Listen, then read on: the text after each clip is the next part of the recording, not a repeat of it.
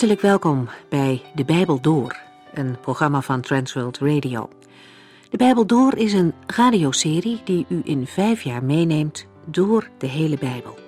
Van Genesis 1 tot Openbaring 22.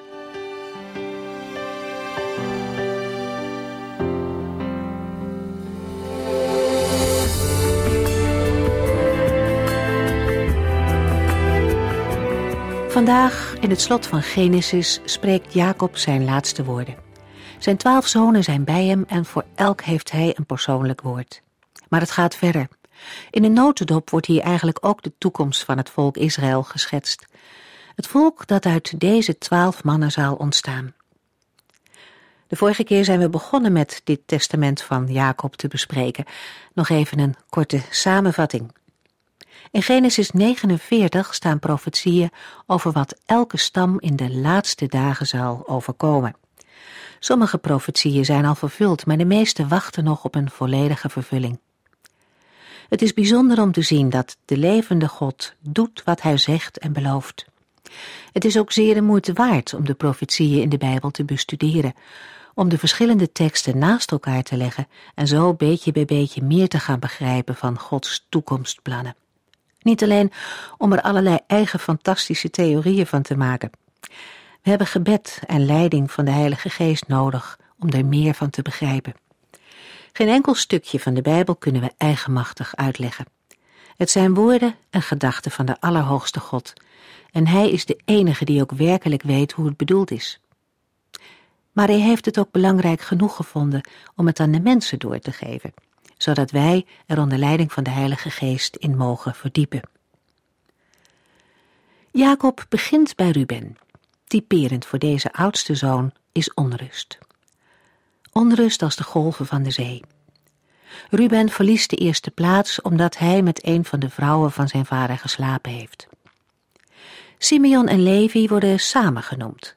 Hun levens werden gekenmerkt door geweld Denk maar terug aan hun gewelddadige wraak op de mannen van Sichem. Jacob maakt hier duidelijk dat hij daar geen deel aan wil hebben. Hij spreekt een oordeel over hen uit. Ze zullen verstrooid worden over Israël. En dat is inderdaad gebeurd. Maar op een positieve manier. De Levieten kregen geen eigen erfdeel uit het land omdat zij het werk voor de heren te doen kregen. Uit de Levieten kwamen later ook de priesters. En dan, dan komt Juda. Hij wordt met een leeuw vergeleken, sterk, overwinnaar van de vijanden. Hij zal regeren en de volken zullen hem gehoorzamen. Allezend zien we hier een beeld van Jezus Christus tevoorschijn komen. In hem zal dit ten volle vervuld worden. De Messias is uit de stam van Juda gekomen. Zebulon en Issachar zijn geen stammen die in het oog springen, maar het zijn de harde werkers die flink meegeholpen hebben aan de opbouw van het beloofde land. En vandaag gaan we verder met de profetieën over de zonen van Jacob.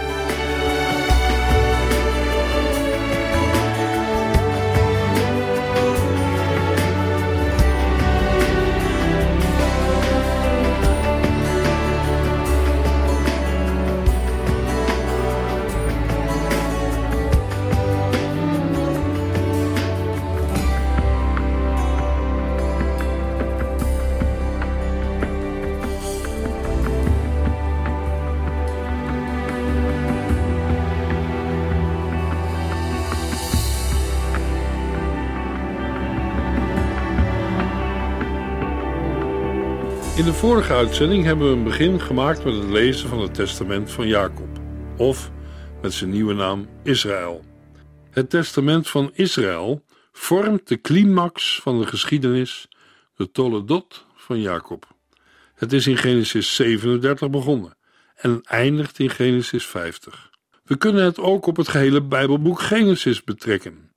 In het wetenschappelijk onderzoek is het boek Genesis vaak beschouwd als geschreven in de tijd van de koningen. Daarmee verbonden is de visie dat de profetische uitspraken van Jacob slechts beschrijving achteraf zijn geweest. De laatste jaren zijn veel geleerden bereid dit hoofdstuk met Exodus 15 en Richteren 5 tot de oudste gedeelte van het Oude Testament te rekenen. In vogelvlucht wordt in Genesis 49 en 50 de toekomst van het volk Israël geschilderd. De vooraanstaande positie van de stammen Juda en Jozef, in zijn beide zonen Ephraim en Manasse, respectievelijk in het zuiden en noorden van het land. Dat het testament van Jacob één geheel vormt met het voorafgaande, blijkt met name uit een drietal verbindingen. In de eerste plaats correspondeert de volgorde van spreuken voor Ruben tot en met Benjamin in grote lijnen met de volgorde van geboorte. In de tweede plaats verwijst de veroordeling van Ruben in Genesis 49 vers 4 en van Simeon en Levi Genesis 49 vers 5 tot en met 7 naar twee gebeurtenissen in Genesis 34 en 35. Ten slotte de derde verbinding. Jacob concentreert zich op vier zonen, waarvan de namen bij hun geboorte worden uitgelegd met een verwijzing naar de namen van de Heere God. Zij zijn vanaf het begin al gekenmerkt als de hoofdrolspelers. Nadat Jacob zijn zonen Ruben, Simeon, Levi, Juda, Zebulon en Issachar heeft aangesproken, vervolgt hij met zijn zoon Dan. Genesis 49, vers 16 tot en met 18. Mijn zoon Dan zal zijn mensen overheersen, als elke andere stam in Israël. Hij zal een slang op de weg zijn die het paard in de hiel bijt, zodat de berijder achterover valt. Ik wacht op uw heil, o heren. De stam van Dan zal zich inzetten voor het handhaven van het recht in Israël. We zullen dat zien bij verder lezen van de Bijbel. Midden tussen de zegenspreuken die Jacob over zijn zonen uitspreekt, staat onverwacht een kort gebed. Ik wacht op uw heil, o Heer. De stam van Dan zal het heil van de Heere nodig hebben, want dan zal een van de leidende stammen zijn in een opstand. Jacob bidt tot de Heere God dat hij zijn nakomelingen in de toekomst zal redden. Genesis 49, vers 19. Een woeste bende zal het op gat voorzien hebben, maar uiteindelijk zal hij terugslaan en haar vernietigen. Gad zal een frontpositie innemen en vaak betrokken zijn bij oorlogen, maar er wordt hem wel overwinning beloofd. Ook de stam van Gad zal zich in het noorden van het land vestigen. De stam van Dan lag het meest noordelijk. We kunnen het ook zien in de uitdrukking, we komen hem zeker nog een paar keer tegen, waarmee het hele land wordt beschreven. De uitdrukking van Dan tot Beersheba. Genesis 49, vers 20 tot en met 22. Aser zal uitstekend voedsel produceren, waarvoor koningen zich niet zouden schamen. Naphtali is een losgelaten hert en laat schone woorden horen. Jozef is een vruchtbare boom die naast een bron staat. Zijn takken steken boven de muur uit. Jacob of Israël belooft nu aan zijn nakomelingen een gelukkig en voorspoedig bestaan. De zonen van Rachel, Jozef en Benjamin sluiten de rij. Jozef had Canaan verlaten en woonde in Egypte, maar hij was ook daar een getuige van God. Zijn zonen Ephraim en Manasse kwamen later in het gebied terecht dat verderop in de geschiedenis bekend staat als Samaria. In de dagen van de Heer Jezus Christus werd het heidens gebied genoemd. Het was een geweldige plaats om er te getuigen en het evangelie had er een goede ingang. De heiland zelf heeft er de blijde boodschap doorgegeven aan de inwoners van Sigar. In Johannes 4 kunnen we het verslag ervan lezen. We lezen verder over Jozef. Genesis 49, vers 23 en 24. De boogschutters hebben hem zwaar verwond en verdrukt, maar hun wapens werden vernietigd door de machtige van Jacob, de herder, de rots van Israël. De twee stammen die uit Jozef ontstonden, Ephraim en Manasse, werden vooraanstaande en belangrijke stammen. Zozeer zelfs dat zij verantwoordelijk waren voor de tweedeling in het koninkrijk. Zo machtig waren ze. Genesis 49, vers 25 en 26. Mogen de God van je vaderen, de Almachtige, je zegenen met de zegeningen van de hemel hierboven en de aarde hier beneden. Zegeningen van de borsten en de moederschoot, van het graan en de bloemen. zegeningen die reiken tot de uiterste grenzen van de eeuwige heuvels. Dit zullen de zegeningen op het hoofd van Jozef zijn. Zo zal hij boven zijn broers uitsteken. Jacob kijkt eerst terug op het verleden. Maar onder alle omstandigheden mocht Jozef staande blijven, omdat hij door de Heere God werd beschermd, door de Almachtige, de Herder, de rots van Israël. Hij zal Jozef helpen en zegenen met vruchtbaarheid, zowel in een goede opbrengst van het land als in nakomelingen. Jozef wordt hier de uitverkorene onder zijn broers genoemd. Hoe groot de zegen van Jozef ook is, en hoe sterk hij ook van zijn broers wordt onderscheiden, toch is hij het niet, maar Juda die de leidersrol krijgt toebedeeld en op wie de aartsvaderlijke belofte overgaat. Genesis 49, vers 10. We zien hier ook dat Jacob Jozef en de twee stammen die uit hem ontstaan graag verbinden wil met de Heere God, de Schepper en de Verlosser. Waarom? Omdat Ephraim en Manasse, vooral Ephraim, Israël in afgoderij hebben meegesleept. Jerobiam, die leiding gaf aan de afval en twee gouden kalveren aan de grenzen van Israël plaatste, kwam uit de stam van Ephraim. Hier op zijn sterfbed wijst Jacob hen op de enige en alleen ware God, de God van hun vaderen, Abraham, Isaac en Jacob. Genesis 49, vers 27. Benjamin is een levensgevaarlijke wolf. Hij vernietigt zijn vijanden in de ochtend en verdeelt de buit in de avond. De vergelijking met een wolf is prijzend bedoeld.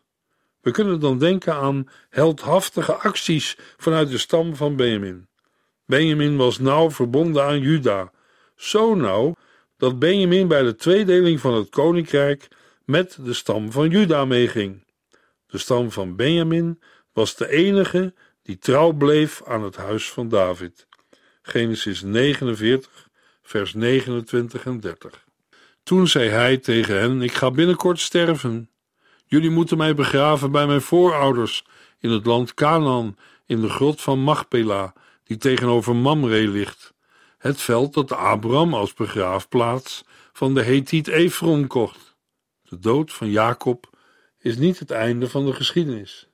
Hij wil dat zijn lichaam begraven wordt in de grot die Abraham had gekocht. Hij wilde er zeker van zijn dat hij in het beloofde land was, tot op de dag dat hij zal opstaan uit de dood, om te leven in het beloofde land. Genesis 49, vers 31 tot en met 33. Daar begroeven ze Abraham en zijn vrouw Sarah. Daar begroeven ze Isaac en zijn vrouw Rebekka. En daar begroef ik Lea. Het is de grot die Abraham van de Hethieten kocht. Na deze profetie aan zijn zonen te hebben doorgegeven, ging Jacob weer achterover liggen in bed, blies de laatste adem uit en stierf. Gedurende het uitspreken van de zegeningen en laatste aanwijzingen heeft Jacob rechtop in bed gezeten, met zijn voeten op de grond. Jacob begon zijn leven als een vleeselijke man, iemand die door zijn eigen verlangens wordt beheerst. Bij de geboorte heeft hij de hiel van zijn broer Esau vast en geeft Isaac hem de naam Jacob. Hij hield vast aan alles wat zijn positie verbeterde en probeerde altijd de eerste te zijn. Met van alles probeerde Jacob zijn doel te bereiken, vaak met de gedachte: het doel heiligt de middelen. Hij stond al jong op eigen benen en werd door eigen verlangens beheerst. Hij dacht dat hij zichzelf wel kon redden en die er God niet nodig had. Bij Pniel worstelde hij met God en werd hij kreupel. De Heer moest Jacob breken om hem op die plaats te krijgen waar de Heer hem hebben wilde. Hier, vlak voor zijn dood, zit hij op zijn bed en leunt op zijn staf. Zijn tijd is gekomen. Hij legt zijn voet op het bed en gaat liggen om te sterven. Jacob heeft een lange weg afgelegd in zijn leven. Hij eindigt met een geloofsgetuigenis. Naar de belofte van de Heere God ziet Jacob uit naar de dag dat hij uit de doden zal opstaan in het beloofde land. In Hebreeën 11, vers 13 lezen we: Al deze mensen zijn in het vertrouwen op God gestorven, zonder te krijgen wat hun beloofd was. Zij hebben het alleen uit de verte gezien en waren blij. Ze kwamen er openlijk vooruit dat ze hier op aarde alleen maar gasten en vreemdelingen waren. We hebben al eerder gezien dat de dood in Genesis een nadrukkelijke rol speelt. Genesis 2, vers 17: Want als je daarvan eet, zul je zeker sterven. Aan het slot van het Bijbelboek Genesis gaat het over de dood en de begrafenis van Jacob in Canaan en van Jozef in Egypte. Daarmee is er een triest slot aan het eerste Bijbelboek. In het Nieuwe Testament lezen we in Romeinen 5, vers 12: De dood breidde zich uit naar alle mensen, want zij zondigden allemaal. Het eerste Bijbelboek laat ons zien dat er geen twijfel mogelijk is over de werkelijkheid van zonde en dood. Genesis vertelt ons hoe de zonde haar intrede heeft gedaan. Daarnaast vooral over de trouw van de Heere God. De Heere voorziet in een uitweg, zodat mensen weer kunnen leven. Genesis 50, vers 1 en 2. Jozef wierp zich op het lichaam van zijn vader, kuste hem en huilde. Daarna liet hij zijn artsen het lichaam balsemen. De Egyptenaren waren experts op dit gebied. Denk maar aan de mummies van Egypte. Ze hadden een methode om lichamen te conserveren die we vandaag de dag niet kennen. Jozef liet zijn artsen zijn vader balsemen. Een mens behoort bij een begrafenis niet te lachen, maar ik moet wel even glimlachen als ik eraan denk dat ze van de oude Jacob een mummie hebben gemaakt. Een mummie die nu in Hebron ligt. Genesis 50, vers 3. Deze balseming duurde 40 dagen, gevolgd door een nationale rouw van 70 dagen. Het mummificeren was een complex proces. Samenvattend bestond het uit de volgende onderdelen: het weghalen van organen, de ruimtes opvullen met kruiden, het lichaam dompelen in een natronbad en inwikkelen in linnen banden. Egyptische bronnen melden dat het hele proces 70 dagen duurde. De hoge achting van de Egyptenaren voor Jozef blijkt ook uit het feit dat ze ook 70 dagen lang rouwden om Jacob. Later rouwde men in Israël 30 dagen om Aaron en Mozes. Gewoonlijk duurde dit zeven dagen. Genesis 50, vers 10. Na die rouwtijd wendde Jozef zich tot de vertrouwelingen van de farao en vroeg hun namens hem met de farao te spreken. Zegt zijn majesteit dat Jozefs vader Jozef heeft laten zweren dat hij zijn lichaam naar Canaan zou brengen om het daar te begraven. U kunt hem verzekeren dat ik daarna onmiddellijk terugkom. De farao stemde toe. Ga uw vader maar begraven, zoals u hebt beloofd, zei hij. Zo vertrok Jozef en met hem een groot aantal Egyptische hoogwaardigheidsbekleders en de hele familie. Alleen de kleine kinderen en de schapen en de runderen bleven in het land Gozen achter. Genesis 50, vers 4 tot en met 8. We kunnen de begrafenis van Jacob in Canaan beschouwen als een profetische voorafspiegeling van de toekomstige terugkeer van het volk Israël naar Canaan. Het is waarschijnlijk de langste begrafenisstoet ter wereld geweest. We mogen ook zeggen: het is de grootste staatsbegrafenis die de Bijbel vermeldt. De stoet ging van Egypte naar Hebron in Canaan. Eén grote en indrukwekkende karavaan. Alleen de kinderen en het vee laat men achter in Egypte. Dat is ook het bewijs dat iedereen weer zal terugkeren. Genesis 50, vers 9 tot en met 13. Het was een grote groep rijtuigen en ruiters die Jozef begeleidde. Toen de stoet bij Goren Haatat, dorsvloer van doornen, aan de overzijde van de Jordaan aankwam, hielden ze daar een indrukwekkende rouwplechtigheid. Zeven dagen lang rouwden allen om Jozefs vader. De plaatselijke bewoners, de Canaanieten, gaven die plaats zelfs een andere naam. Voortaan heette hij Abel Mishraim, Egyptische rouwplechtigheid, want zij zeiden: Dit is een plaats van zware rouw voor de Egyptenaren. Zo voerden Israëls zonen zijn laatste wil uit en brachten zijn lichaam terug naar Canaan.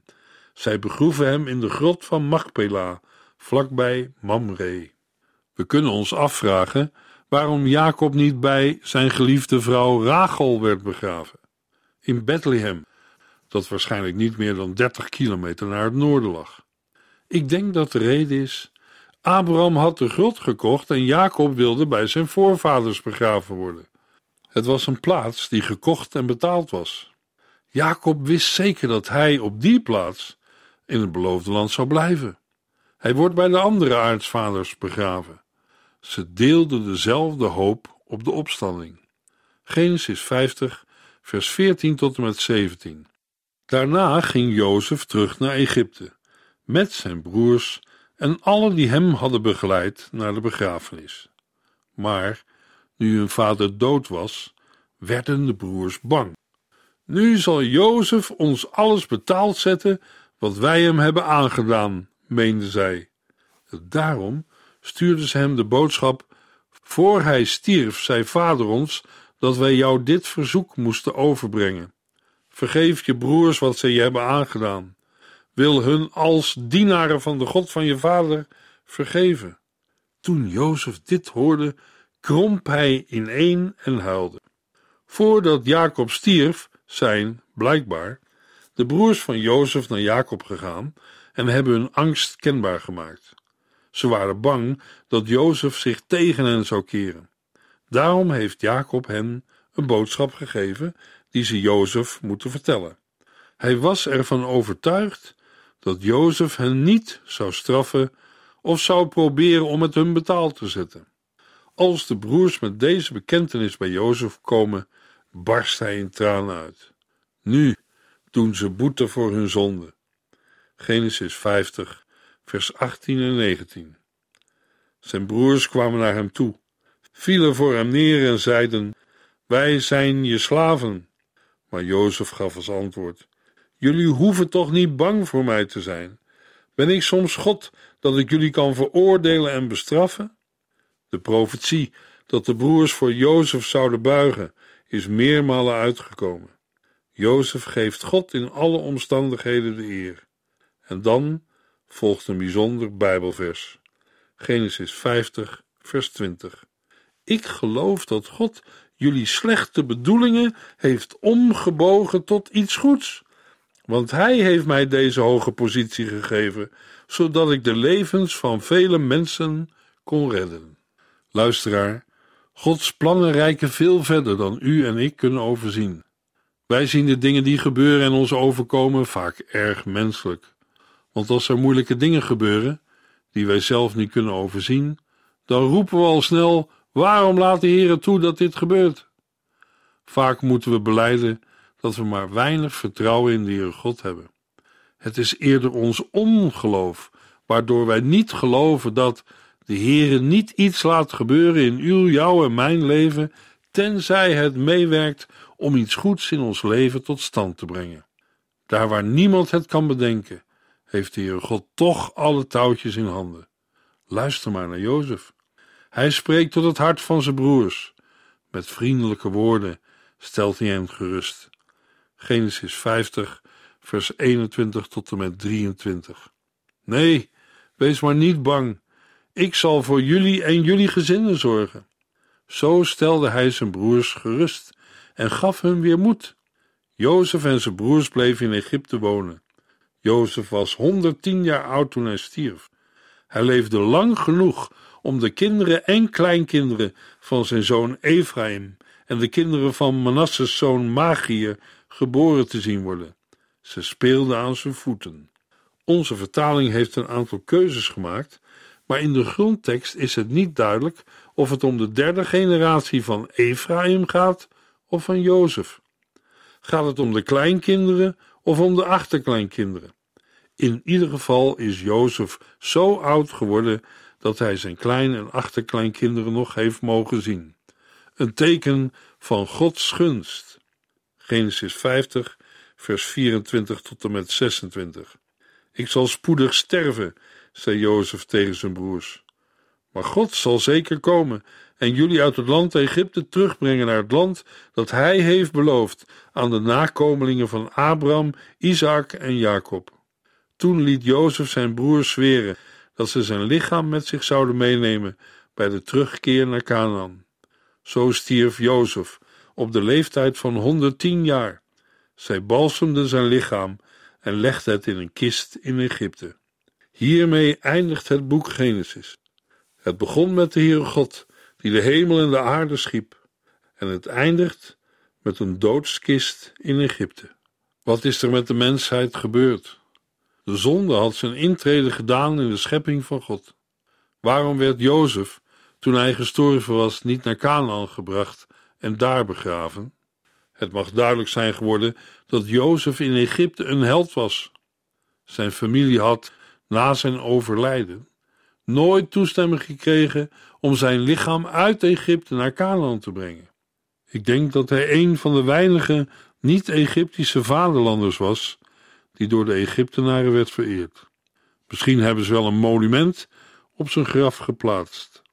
Jozef zegt tegen zijn familie: Als jullie teruggaan naar Canaan, laat mijn lichaam hier dan niet achter. Bij Jozef zien we dezelfde hoop als die we bij Jacob zagen. De overtuiging dat de Heere God hen het land Canaan als een eeuwig bezit heeft gegeven. Ze wilden in hun eigen land opstaan uit de dood. Jozef geloofde dat God zijn aardse volk zou uitleiden om het beloofde land te beërven. Het Bijbelboek Hebreeën noemt dit de kroon op het geloof in het leven van Jozef. Hebreeën 11, vers 22. Omdat Jozef op God vertrouwde, heeft hij aan het einde van zijn leven gezegd dat de Israëlieten eens uit Egypte zouden wegtrekken.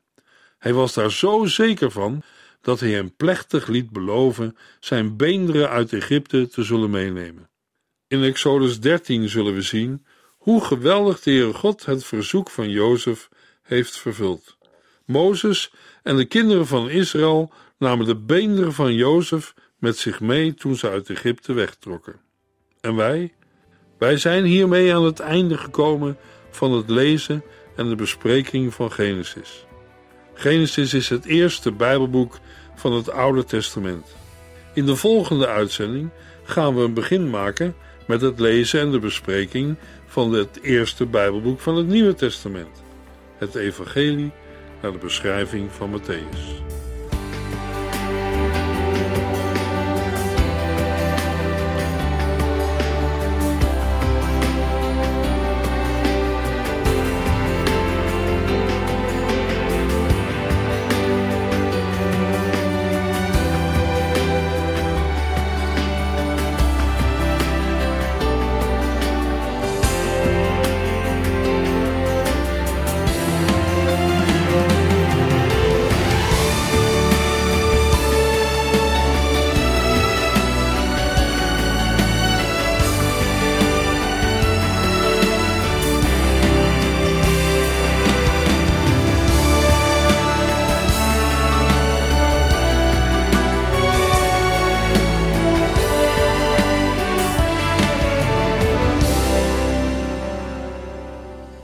Geluisterd naar De Bijbel Door.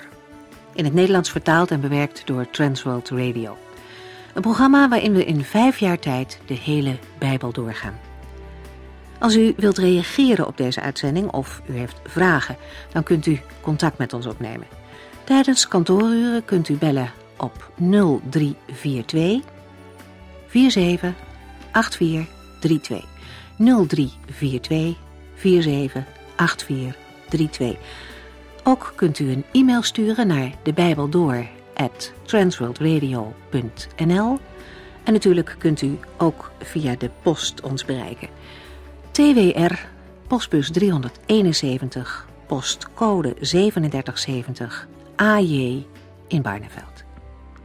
Dit programma werd gepresenteerd door Cor Weda en Ike André. Techniek was in handen van Odin van Woerdekom. En wij allemaal bedanken u voor het luisteren.